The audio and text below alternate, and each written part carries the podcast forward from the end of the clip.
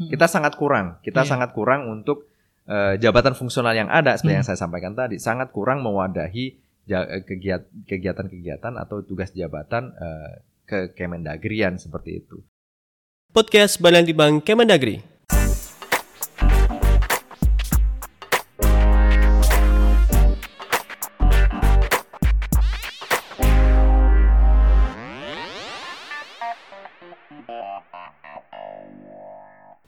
Sobat Cendikia, selamat datang di Angkat Bicara, podcast Badan Litbang Kemendagri, berbicara seputar kelitbangan dan isu-isu Kemendagri.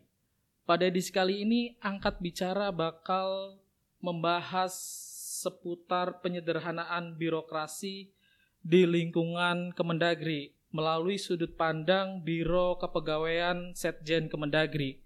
Seperti kita ketahui pada periode kedua Presiden Joko Widodo mengamanatkan adanya perampingan birokrasi dari yang semula empat level atau di beberapa unit mungkin ada yang lima level menginginkan eh, struktur pemerintahan menjadi dua level menyisahkan eselon 1 dan eselon 2 dan pada akhir tahun 2020 atau tepatnya pada 30 Desember 2020 kemarin Kemendagri telah menyetarakan sejumlah pejabat struktural baik eselon 3 maupun eselon 4 ke jabatan fungsional.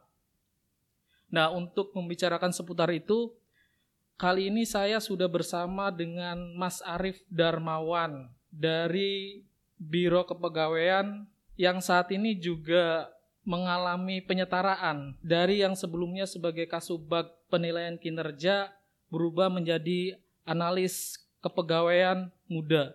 Begitu ya, Mas? Iya. Oke Mas, Eh, sebelumnya terima kasih nih Mas eh, udah memberikan kesempatan angkat bicara untuk eh, sedikit berdiskusi dengan Mas Arief terkait dengan eh, penyetaraan di lingkungan Kemendagri ya melalui sudut pandang dari eh, Biro Kepegawaian. Nah mungkin bisa diceritakan ini Mas, Eh, Mas Arief ini kan jadi salah satu pegawai terdampak juga ya Mas Betul, betul. itu mungkin bisa diceritakan mas Eh, eh, tadi kan saya sempat menyinggung terkait dengan Hmm. eh, sekarang jabatannya Mas Haris sebagai analis kepegawaian Iya. mungkin bisa diceritakan pengalamannya terus kesibukannya sekarang seperti apa gitu Oke, baik. Eh, terima kasih juga buat podcast Angkat Bicara yang berkenan berkunjung nih ke tempat kita. Dan ini juga merupakan kesempatan yang baik bagi kami di Biro Kepegawaian untuk menyampaikan ya, menyampaikan eh, terkait seputar update terkait kebijakan penyetaraan. Sebelumnya memang benar tadi yang disampaikan, kita sudah melakukan penyetaraan di bulan eh, Desember, tepatnya di tanggal 30, 30 Desember, itu kita mengadakan apa eh, kebijakan Menteri Dalam Negeri menyetarakan jabatan administrasi ke dalam jabatan fungsional. Kurang lebih sekitar eh, 808 jabatan yang terdiri dari eh, 95 eselon 3 dan 713 eselon 4 Hmm. termasuk di antaranya saya yang dulunya eh, sebelum penyetaraan itu eselon 4 di Biro Kepegawaian yaitu di Kepala Subbagian Penilaian Kinerja Pegawai. Nah, sekarang disetarakan menjadi analis eh, kepegawaian muda. Dan teman-teman juga sekarang ini juga sedang mengalami proses transisi ya. Hmm. Jadi kalau misalkan ditanya apa kesibukannya untuk sampai dengan sekarang ini kurang lebih eh, satu bulan ya, dua bulan berjalan kita masih dengan kegiatan-kegiatan eh, rutin, terus kemudian kita sedang belajar atau proses transisi itu menyesuaikan dengan kebijakan yang baru atau dengan jabatan yang baru. Mungkin ini juga dialami juga oleh teman-teman kita yang ada di eh, lingkungan yang lain di di Kemendagri. Eh, mungkin masa satu bulan ini masih proses transisi dan masih banyak hal-hal yang perlu kita pelajari terkait jabatan yang baru. Kalau untuk di kami di saya di Biro Kepegawaian kurang lebih eh, kesesuaiannya itu sangat sesuai antara tugas fungsi ke- eh, analis ke- kepegawaian muda dengan jabatan sebelumnya saya sebagai pen- pengelola atau eh, apa kasubag penilaian kinerja pegawai gitu. Kurang lebih kemiripannya sama antara pekerjaan yang sebelum penyetaraan dengan yang sesudah penyetaraan. Itu yang yang yang saya alami seperti itu. Hmm. Jadi tidak terlalu jumping gitu ya dari kerja-kerja yang sebelumnya dilakukan di eselon 4 terus kemudian di fungsional seperti itu ya Mas. Iya betul. Untuk kesesuaian antara jabatan yang lama dengan jabatan yang baru, kebetulan juga kami um, terlibat langsung dalam proses uh, diskusi dengan Kemenpan untuk untuk pemberian apa ya, ke rekomendasi dari jabatan yang lama dengan jabatan yang baru. Beberapa yang kita usulkan itu ada beberapa yang sesuai, terus ada beberapa yang tidak sesuai dengan apa yang kita usulkan kaitannya dengan hasil rekomendasi dari Menpan. Nah, dari proses diskusi itu memang kita arahkan teknis-teknis kegiatan ke, eh, jabatan yang dilakukan sebelum penyetaraan dengan fungsi atau dengan jab, jenis jabatan fungsional apa yang memiliki kemiripan seperti hmm. itu.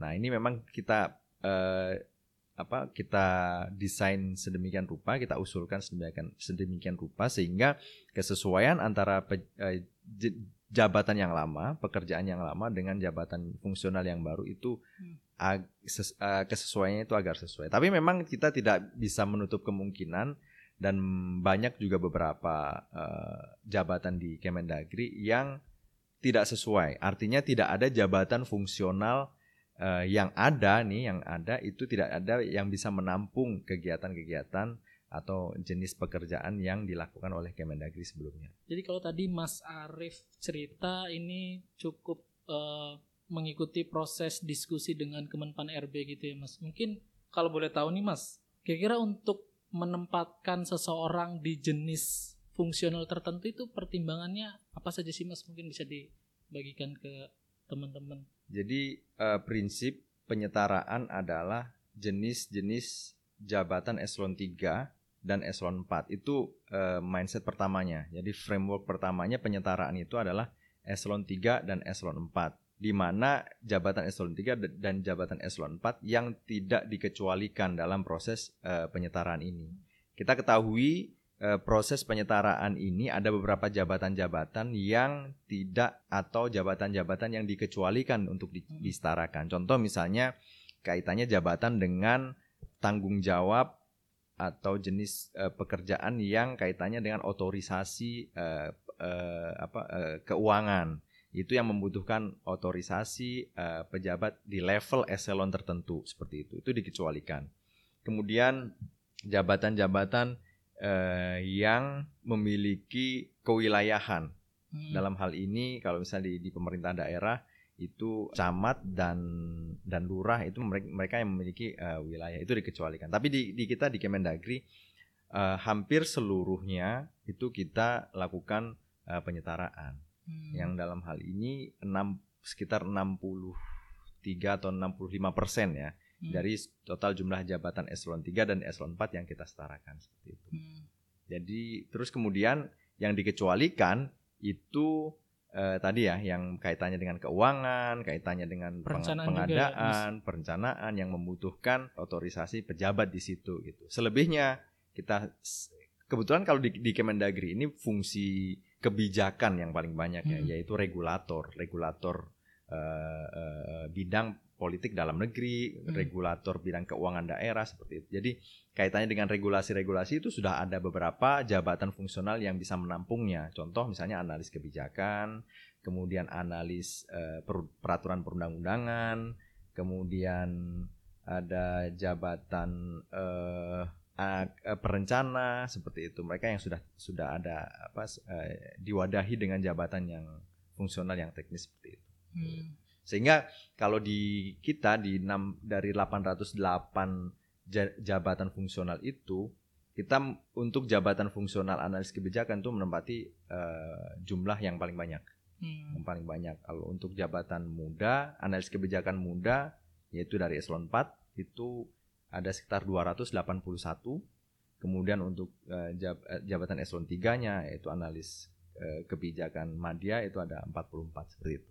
Itu yang karena karena kait karena e, di Kemendagri kebetulan tugasnya itu mengevaluasi ya, evaluasi kemudian merumuskan kebijakan, me- menghasilkan sebuah capman atau Hmm. permen seperti itu. Jadi yang paling cocok dan yang paling eh, tepat itu ya analis eh, ke- kebijakan sih menurut kami seperti itu. analis kebijakan seperti Ya. itu ya mas kalau untuk ini mas eh, melihat tadi terkait dengan pertimbangan misalkan si A oh ini cocoknya di analis kebijakan Ya. atau si B cocoknya di analis kepegawaian Ya. nah dengar-dengar sih kalau saya yang eh, sependek pengetahuan saya Ya.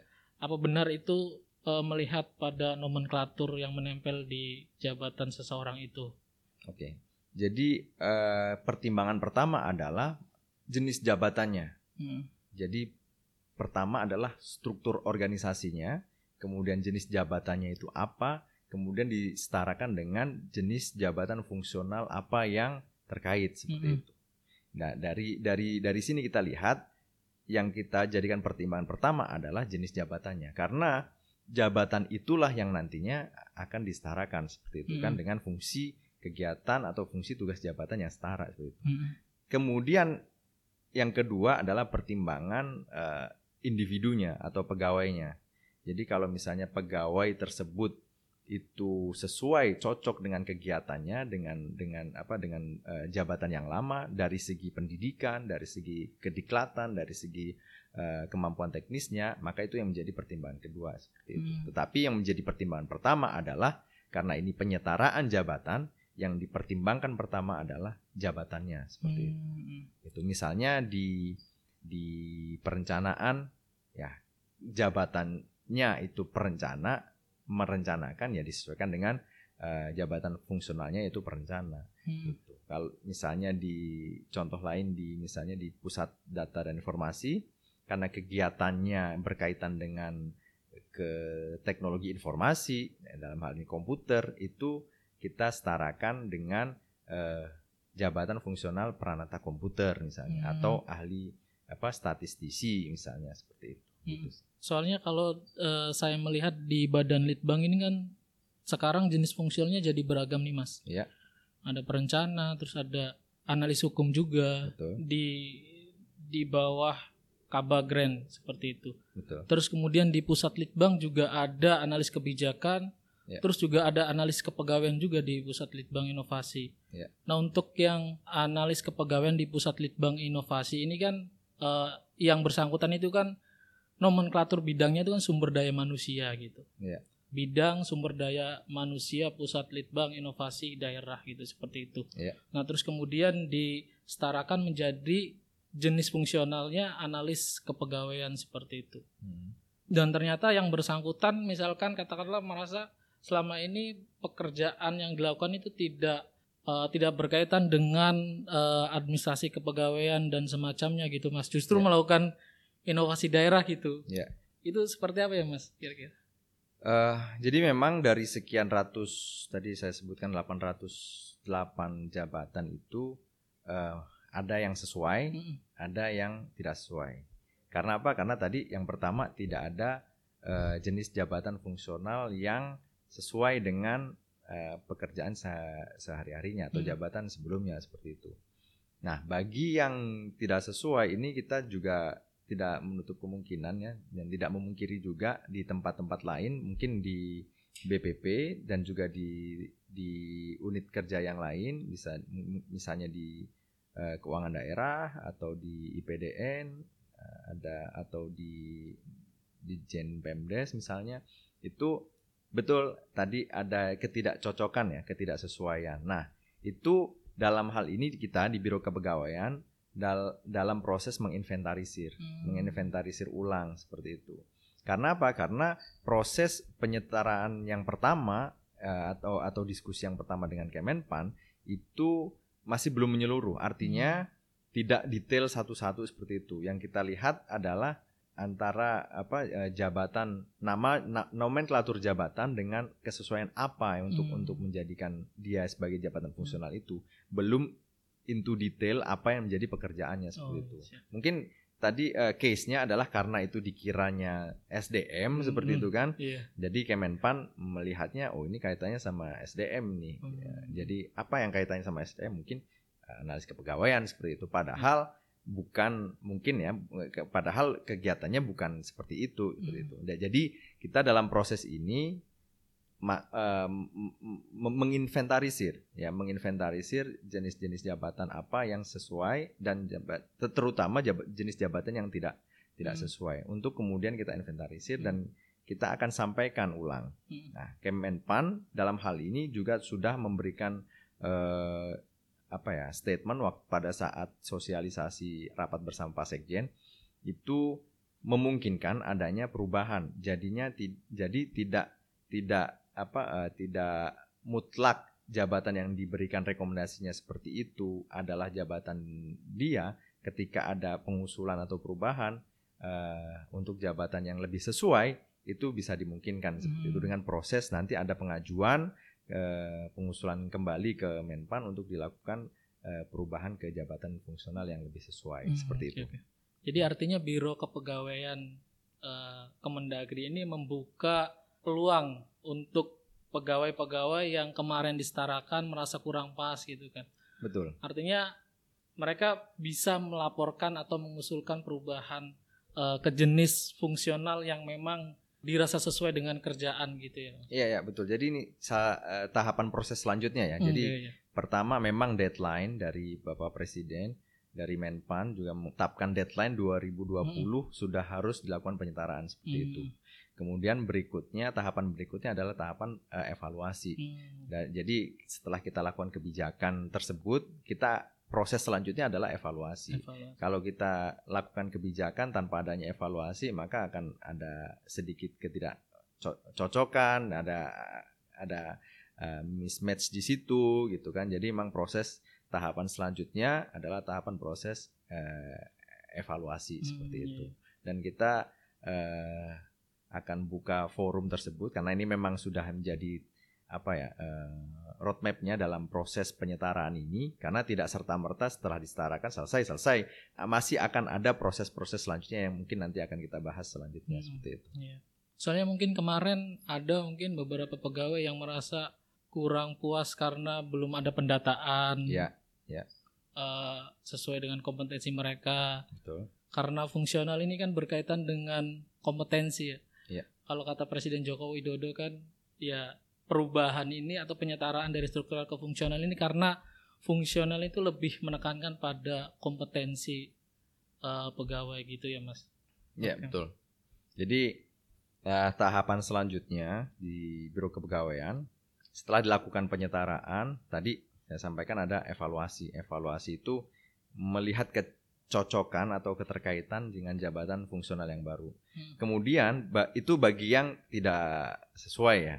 Nah, Hmm. bagi yang sesuai itu kita lakukan eh, akan kita lakukan eh, semacam forum jabatan fungsional di di di Kemendagri. Artinya bagi teman-teman yang sangat awam dengan jabatan fungsional ini, kita berikan apa kita buatkan sebuah wadah forum untuk komunikasi misalnya eh, analis kepegawaian. Nah, di analis kepegawaian ini kan tersebar di beberapa di hampir di seluruh unit kerja ya. Jadi kita kumpulkan jadi satu di sebuah forum analis kepegawaian di lingkungan Kemendagri, kemudian kita berikan semacam pembekalan, Hmm. kita undang eh, instansi pembina yang dalam hal ini BKN, mungkin di kesempatan lain nanti analis kebijakan kita undang eh, instansi pembina LAN untuk memberikan eh, apa eh, penjelasan dan terkait dengan jabatan fungsional tersebut seperti itu. Jadi bagi yang sesuai kita lakukan penguatan-penguatan kepada eh, teman-teman seperti itu.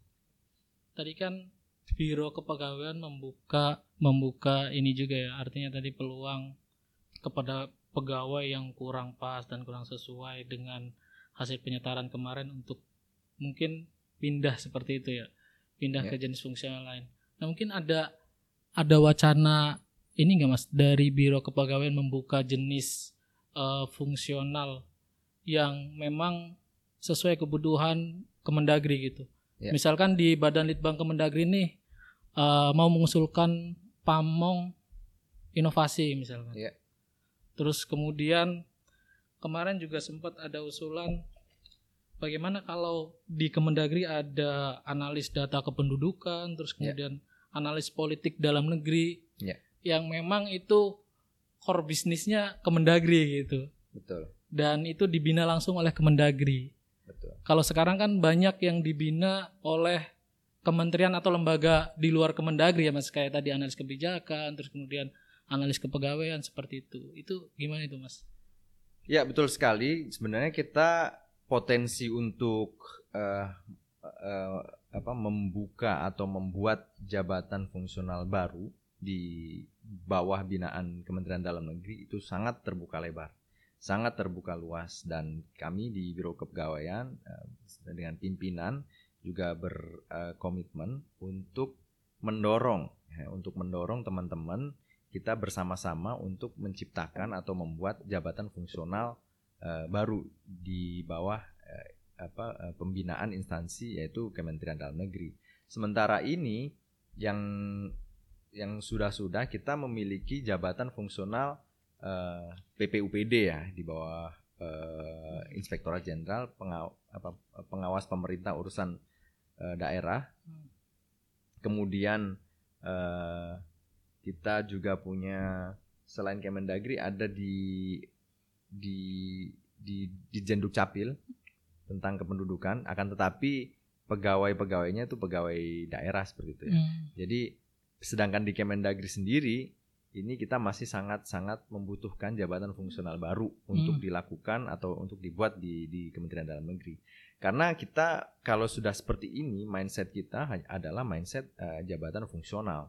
Artinya jabatan fungsional nanti ke depan yang menjadi jabatan eh, apa ya utama di di instansi pemerintah seperti itu ya. Dalam- hal ini di, di, di Kemendagri. Kita kemarin menganalisis beberapa contoh misalnya di keuangan daerah. Di keuangan daerah kurang lebih minimal nih ada tiga jabatan yang jabatan fungsional yang kira-kira eh, sangat berpotensi untuk dibuat sebuah jabatan fungsional eh, eh, baru seperti itu. Contoh misalnya manajemen aset daerah itu perlu dilakukan atau dibuat eh, jabatan fungsional manajemen aset daerah di bawah bimbing di bawah binaan ke, Dijen Keuangan Daerah seperti itu. Atau analis APBD misalnya.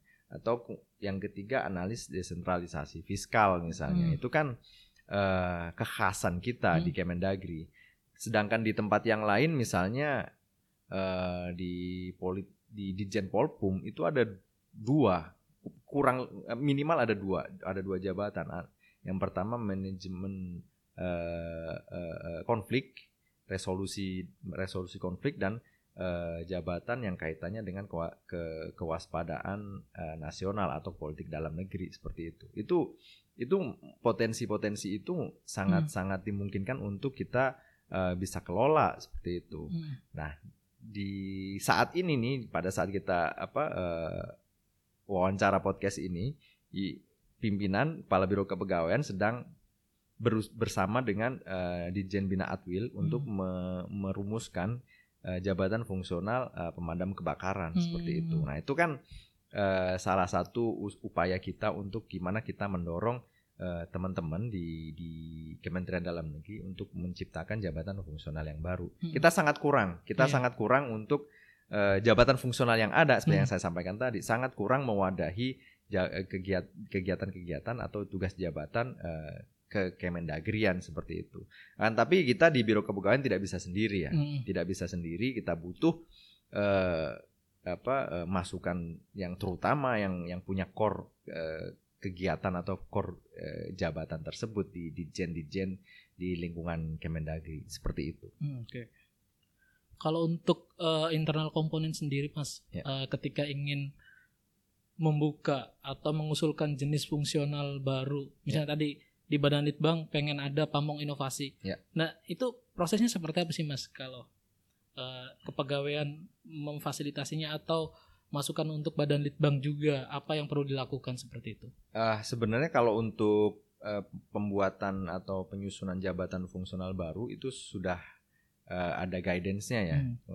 Di diatur oleh peraturan Menpan tentang eh, pembentukan jabatan fungsional ya. Eh, nanti bisa kita eh, cari bersama-sama nomornya berapa. Di Permenpan tersebut sudah me- mengatur misalnya ke- menyusun dulu kegiatan-kegiatannya apa aja. Kemudian setelah disusun kira-kira outputnya ini apa aja. Kemudian dihitung formasinya seperti apa.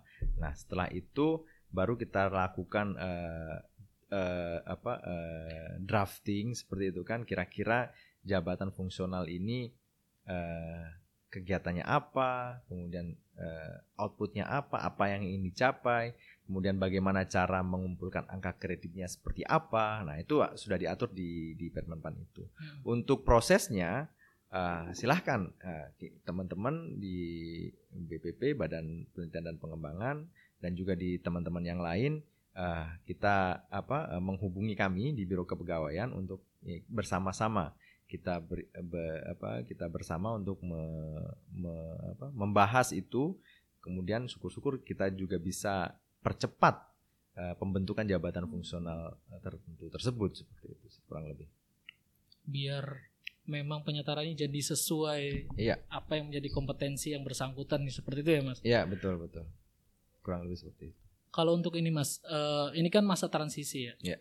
dan yang sebelumnya menjabat eselon 3 dan eselon 4 itu kan masih dipercayai untuk mengemban peran seperti jabatan sebelumnya. Yeah. Misalkan uh, ada pustakawan, misalkan yeah. sekarang pustakawan sebelumnya menjabat sebagai kasubag yeah. itu masih mengurusi kerja-kerja kasubag seperti itu. Yeah. Nah, mungkin ada wacana terkait dengan konservasi Mas, konservasi kerja-kerja yang dilakukan tadi kan misalnya eselon 3 itu sebagai koordinator. Istilahnya yeah. ada yang mengatakan seperti itu ya, Mas. Yeah. Ada koordinator terus kemudian ada subkoordinator. Yeah. Ada kemungkinan gak sih, Mas, kerja-kerja sebagai koordinator dan subkoordinator ini menjadi salah satu bagian dari penghitungan angka kredit yang bersangkutan gitu. Yeah. Karena memang uh, sebagai fungsional pasti untuk kenaikan jabatan dan sejenisnya itu kan bergantung pada angka kredit ya mas seperti itu itu seperti apa mas betul jadi uh, konsep uh, kita dulu sebelum ke sana mungkin kita bicara oh, iya. tentang konsep bagaimana ketika terjadi penyetaraan itu nanti seperti apa oh, iya. jadi konsep pertama sebelum sebelum apa uh, uh, kebijakan-kebijakan yang lain prinsip dari penyetaraan ini adalah mengkat proses jenjang birokrasi yang yang dari empat level itu menjadi dua level. Artinya dalam sebuah struktur organisasi itu menjadi organisasi ini tidak lagi hierarkis, akan tapi lebih flat. Nah, flat organisasi yang lebih flat ini organisasi yang lebih sejajar, lebih lebih cair dan dan dan pola komunikasinya ini akan akan lebih uh, cepat seperti itu. Sudah tidak ada lagi uh, apa paraf uh, eselon 4, kemudian tidak ada lagi paraf eselon 3, sudah tidak ada lagi uh, apa uh, disposisi yang ber, ber apa ber, berjenjang sampai ke bawah seperti itu ya. Jadi membuat sebuah organisasi itu lebih flat. Itu yang pertama. Kemudian yang kedua, karena ini sudah dilakukan proses penyetaraan dan kebijakan ini sudah di, diimplementasi, maka bagaimana cara transisi ya cara hmm. transisi antara tadinya yang level itu uh, empat level ini sudah dari tahun ke tahun kemudian di dipangkas menjadi hanya dua level ini butuh uh, transisi seperti itu jadi tidak serta merta uh, langsung uh, flat sudah tidak ada lagi hmm. uh, apa hierarki seperti itu ya. hmm. ya jadi ini yang terdampak ini adalah selain dari tadinya struktur, yang paling penting adalah kultur. Jadi kultur birokrasi ini juga harus dilakukan penyesuaian seperti itu. Nah, dalam rangka penyesuaian ini, maka di kebijakan pemerintah yang dalam hal ini oleh uh, Menpan itu membuat semacam ada adanya koordinator dan subkoordinator. Hmm. Nah, bu bukan berarti ini ini yang yang harus di hmm. kita sepakati bersama di di di teman-teman Kemendagri. Jadi yang koordinator maupun subkoordinator itu bukan semata-mata dia ganti nama saja. Hmm. Yang tadinya itu eselon 3 kepala bagian misalnya atau kepala subdirektorat misalnya berubah menjadi koordinator. Hmm. Itu tetapi pekerjaannya sama. Itu tidak. Jadi koordinator ini hanya mengkoordinasi sebenarnya. Hmm. Jadi hanya mengkoordinasi Eh, pekerjaan-pekerjaan yang ada di situ seperti itu. Tapi yang perlu kita sepakati, mungkin yang perlu kita uh, sadari bersama bahwasanya ini sebuah koordinator ini sudah tidak seperti hierarkis lagi seperti itu. Jadi lebih flat, lebih cair meskipun dia sebagai koordinator ataupun subkoordinator, pola komunikasinya dengan anggota timnya itu juga harus diubah seperti itu.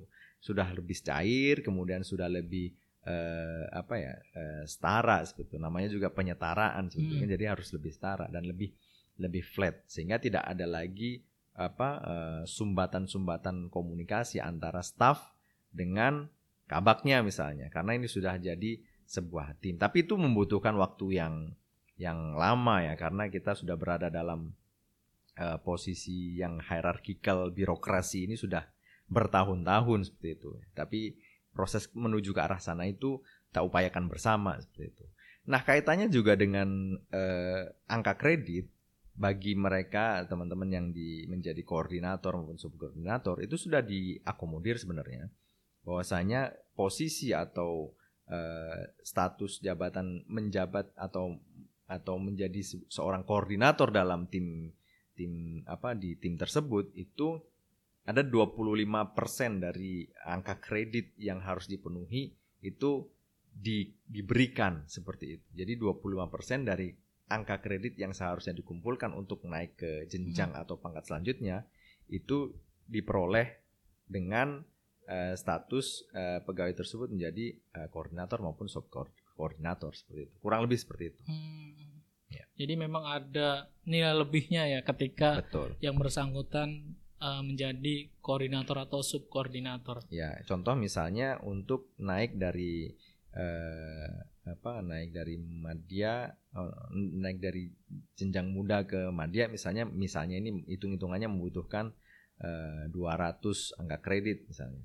Dengan dia sebagai koordinator itu otomatis 50 uh, angka kredit sudah terpenuhi seperti itu. Dengan sisanya yang lain dilakukan uh, apa pengumpulan angka kredit berdasarkan uh, butir-butir kegiatan yang sudah diatur di peraturan masing-masing. Hmm. Seperti itu. Okay. Mas tadi menarik Mas uh, terkait dengan uh, budaya kerja. Yeah. Ya. Uh, artinya budaya itu kan emang sulit diubah ya karena sudah berlangsung bertahun-tahun. Yeah. Dan untuk sulit diubah tapi tidak tidak berarti uh, tidak bisa diubah ya. Iya, tidak ya. bisa diubah. Mungkin prosesnya ya. yang membutuhkan waktu yang Betul. tidak sebentar seperti itu ya, Mas. Ya. Kalau kita melihat itu kan di struktur birokrasi budaya yang sekarang nih, Mas. Itu kan baik meskipun ada penyetaraan mungkin tadi uh, karena transisi ya. Artinya budaya kerja yang tadi yang berjenjang, yang membutuhkan itu masih belum hilang gitu kan. Nah, uh, ada anggapan bahwasanya untuk mengondisikan budaya kerja yang memang sesuai dengan keinginan tadi, keinginan tujuan dari penyetaran birokrasi ini dimacam dibuat tanda kutip paksaan gitu. Betul. Artinya ada mungkin peran eselon 2 itu harusnya seperti apa gitu kan. Dia beban kerjanya seperti apa? Ada tambah-tambahan yang yang kemudian uh, pimpinan ini dipaksakan untuk tadi mungkin lebih mandiri ya, Mas yeah. lebih mandiri dan tidak bergantung kepada uh, kepada mantan mungkin ya mantan bawahannya dan sebagainya gitu kan begitu pula dengan yang sebelumnya jadi eselon 3 terus kemudian sebelumnya jadi eselon 4 gitu kan nah mungkin ada nggak sih mas uh, wacana pembentukan apa semacam kayak regulasi atau aturan untuk tadi untuk tanda kutip memaksakan agar pejabat ini ya ayo dong upgrade kemandirian kalian gitu kan seperti ya. itu. Kalau sebenarnya kita harus uh, siap ya, harus sudah siap. Bukan hanya kita yang uh, eh, PNS yang di level pelaksana maupun teman-teman yang disetarakan untuk untuk uh, kebijakan tersebut sebenarnya porsi juga yang yang tidak boleh luput di sini adalah bagaimana penerimaan atau uh, perubahan yang di, dilakukan oleh uh, pimpinan oleh dalam hal ini uh, pimpinan unit kerja eselon 1 maupun eselon 2 itu pasti mereka sudah harus berubah hmm. dalam artian ini kebijakan nasional men- kebijakan nasional yang berakibat pada seluruh level dari level atas pimpinan eh, unit kerja bahkan level menteri sampai dengan level eh, bawah seperti itu. Jadi eh, emang kita harus sama-sama ya. Jadi harus sama-sama eh, apa eh, me- menyadari kebijakan ini akan mengubah segalanya semuanya termasuk yang paling yang paling terdampak ya dalam diskusi-diskusi dengan Kementerian PAN RB dan diskusi-diskusi dengan yang lainnya adalah bagaimana eselon 2 ini makin bertambah sebenarnya. Makin bertambah eh, bebannya, makin bertambah eh, eh, kerumitan pekerjaannya Hmm. karena apa? Karena di bawahnya itu sudah disetarakan menjadi jabatan fungsional seperti itu. Jadi harus eh, apa ya? up, up- upgradingnya Ya. harus upgrading. Mungkin ini juga bisa nanti di dilakukan penyempurnaan juga di melalui sistem diklat PIM-nya ya, di diklat PIM 1 maupun PIM PIM 2 terkait bagaimana menyikapi menyikapi eh, apa kebijakan penyetaraan ini bagi mereka apa pe- pejabat yang eh, melakukan atau yang mengikuti diklat PIM PIM 1 atau PIM 2. Saya rasa ini juga sudah di- Hmm. dilakukan eh, tindakan atau dilakukan eh, Langkah, gitu. langkah-langkah menuju ke arah sana oleh teman-teman di BPSDM maupun di Hmm. di LAN sebagai pengelola diklat eh, kepemimpinan untuk level eselon 1 dan eselon 2 seperti Mungkin itu. di SKP-nya Mas. Ya. Beban kerja eh, pimpinannya gitu. Apakah perlu di disematkan kalau terkait dengan kemandirian tadi? oh, kalau itu sih menurut saya sih nggak tidak tidak terlalu ini ya karena tidak tidak perlu di dilakukan apa eh, secara tertulis di Hmm. di SKP-nya karena kalau kita bicara SKP itu kan eh, target-target ki- kinerjanya ya.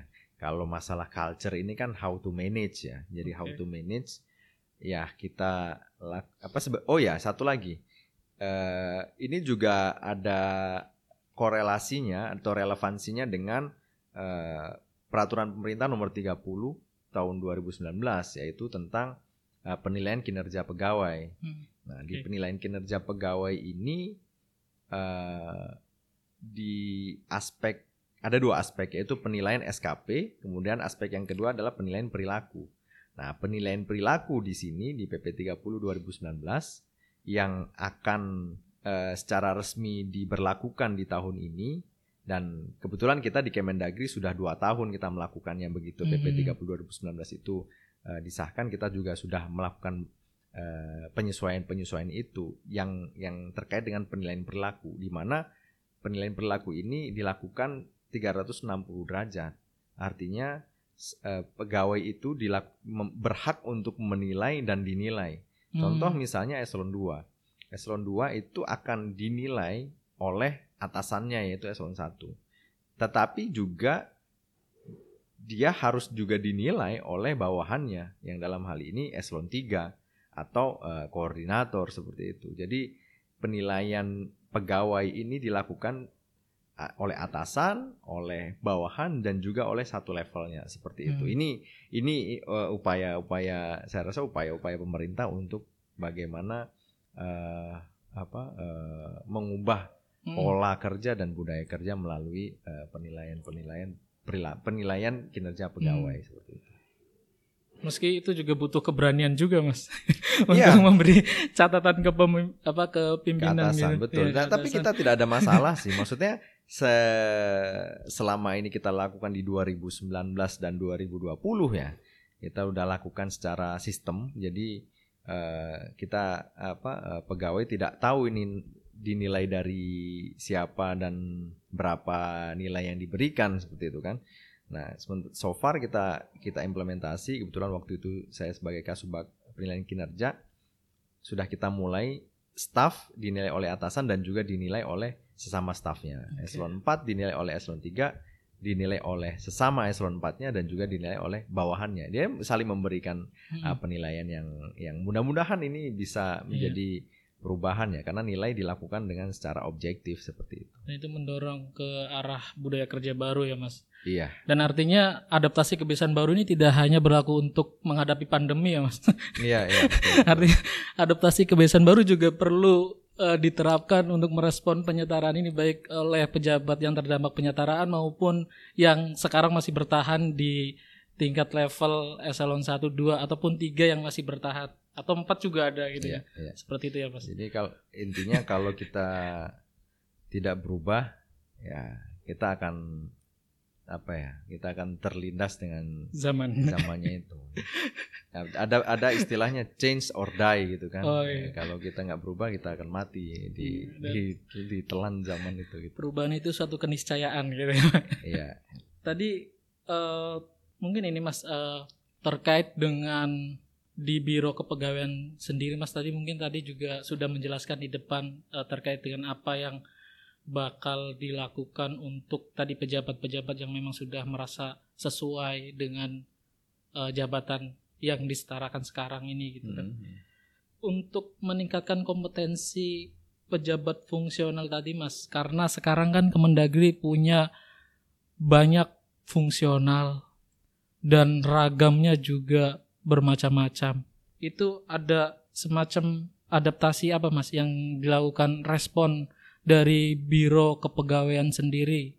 Baik itu misalkan di Human Capital Development Plan-nya sendiri seperti apa dan pastikan ada perubahan-perubahan seperti itu ya Mas. Iya betul. Itu mungkin bisa diceritakan gitu. Mas. Nah, ini momentum yang sangat eh, eh, tepat sebenarnya buat kami di Biro Kepegawaian karena waktu Human Capital Development Plan yang awal itu 2000 kalau tidak salah berakhir di 2020 ini.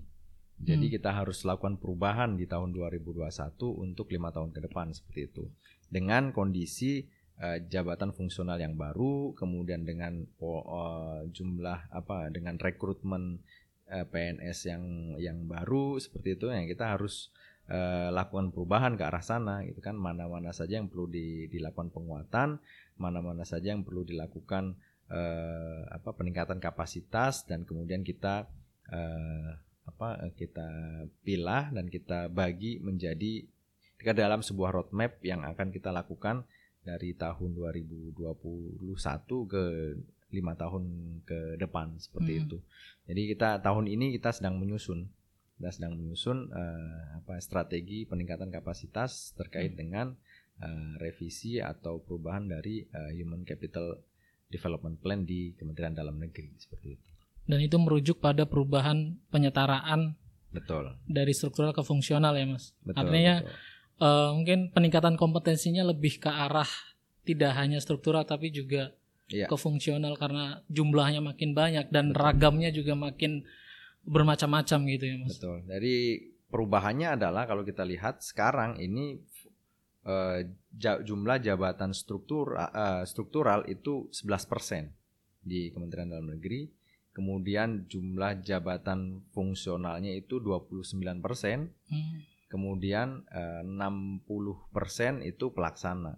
Jadi strategi kita ke depan jadi memang jabatan pelaksana itu harusnya idealnya itu sama dengan jabatan fungsional seperti itu Hmm. atau bahkan lebih sedikit karena jabatan pelaksana ini yang sifatnya umum seperti pengadministrasi umum, kemudian eh, penyusun laporan dan lain sebagainya itu eh, bisa dilakukan oleh pejabat eh, fungsional seperti itu. Jadi eh, struktur eh, jenis jabatan di Kementerian Dalam Negeri kita harus dorong bagaimana yang 60% ini itu berkurang mengisi yang 29% jabatan eh, eh, fungsional sehingga komposisinya 10% jabatan struktural kemudian eh, bisa 40% eh, jabatan atau 50% ya mungkin jabatan fungsionalnya sehingga sisanya hanya eh, jabatan pelaksana.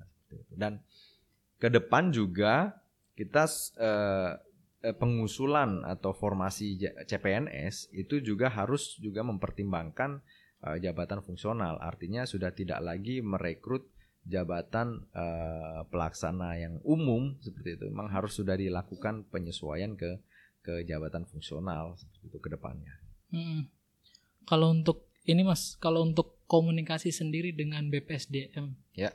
selaku yang menerima dokumen tadi Hmm. HCDP itu ya Mas, Ya. seperti apa ya Mas untuk mengkorelasikan Hmm. ketika Biro Kepegawaian ini sudah menyusun sedemikian rupa dokumen HCDP, Ya. terus kemudian disodorkan ke BPSDM, Ya. Mungkin komunikasi yang dibangun atau koordinasi agar apa yang disusun itu terlaksana seperti itu, Mas. Ya. Eh, pada periode HCDP yang sebelumnya kita eh, lakukan eh, rev- review, kemudian kita lakukan evaluasi.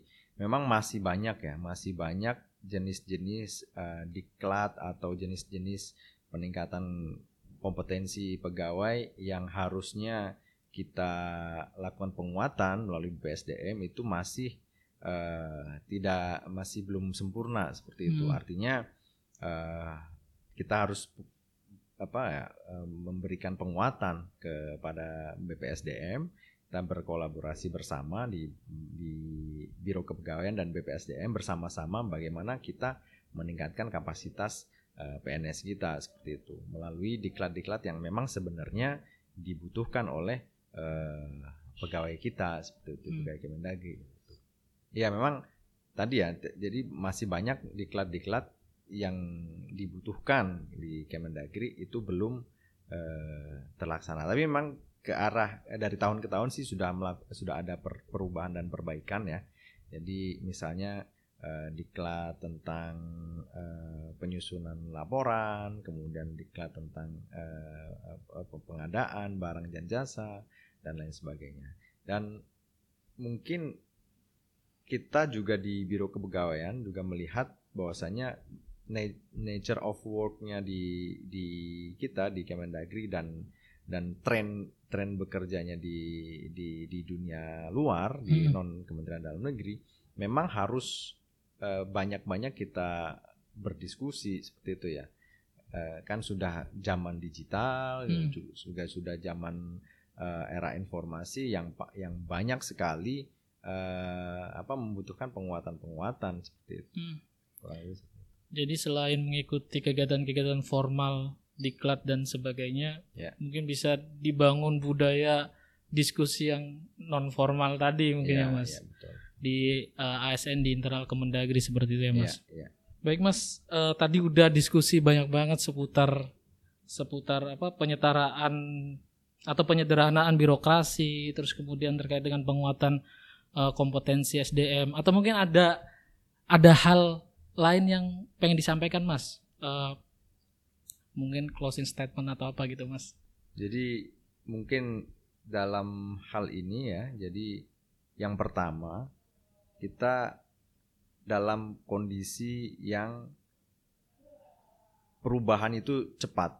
Jadi perubahan itu cepat termasuk perubahan eh, apa kebijakan penyederhanaan eh, jabatan ini juga penyetaraan jabatan ini juga eh, sangat-sangat cepat seperti itu ya. Jadi dalam kondisi yang perubahan yang cepat, kemudian dinamika yang begitu cepat, maka kita bersama-sama harus cepat juga dalam hal meresponnya itu sih. Oke. Kemudian yang kedua eh, untuk meningkatkan kapasitas ya, untuk meningkatkan kapasitas pribadi, individu, pegawai itu kita tidak bisa hanya bergantung kepada biro kepegawaian, tidak tidak bisa bergantung pada eh, BPSDM dan tidak juga kita bisa bergantung sepenuhnya pada eh, unit-unit kerja untuk mela- untuk melakukan pembinaan. Arah ke sana sudah kita lakukan dengan sebaik-baiknya, dengan semaksimal mungkin. Tapi bagi individu teman-teman mungkin eh, pribadi dan pegawai itu eh, apa ya meningkatkan kapasitas pribadinya, Hmm. meng- meningkatkan kapasitas individualnya, skillsnya karena eh, di era jabatan fungsional ini mereka yang berfungsi lah yang akan Hmm. eksis seperti itu. Ya, bagaimana cara kita memfungsikan diri kita ya cara kita memfungsikan diri kita dengan mengupgrade dan mengupdate skill-skills Hmm. yang yang yang kita miliki dan kita kemudian yang ketiga poin yang ketiga adalah aware dengan apa yang akan kita butuhkan misalnya 5 10 tahun ke depan. Nah, skill skill apa yang kita butuhkan 5 10 tahun ke depan itu kita harus persiapkan agar kita bisa apa ya eksis seperti itu ya.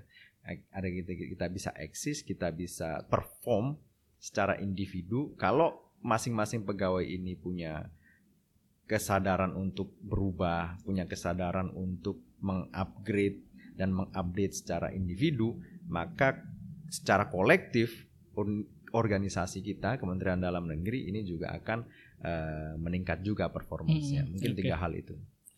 Saya jadi ingat uh, pernyataan Mendagri saat pelantikan penyataran dari struktural ke fungsional ini Mas. Uh, pesannya itu kan jangan sampai jadi pengangguran terselubung. Iya, betul betul.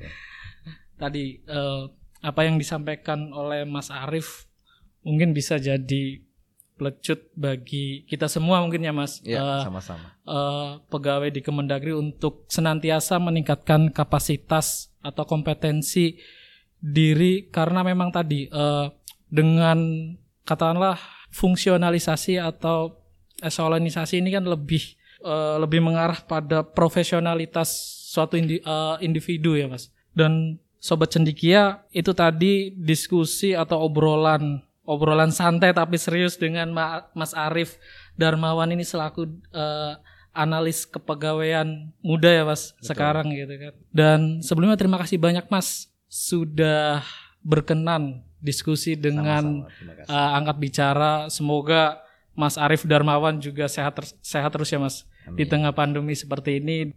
Dan Sobat Cendikia untuk mendengarkan hasil diskusi pada edisi kali ini selain bisa mendengarkan di Spotify, angkat bicara podcast Badan Litbang Kemendagri, teman-teman juga bisa menyaksikannya di kanal YouTube Badan Litbang Kemendagri dan hasil diskusi pada edisi kali ini juga bakal dimuat di majalah Badan Litbang Kemendagri atau media BPP Kemendagri. Dan sekali lagi Mas Arief Darmawan terima kasih. Terima kasih uh, atas kesempatan dan keramahannya kepada kami dan sobat cendikia sampai jumpa di angkat bicara selanjutnya. Terima kasih. Salam.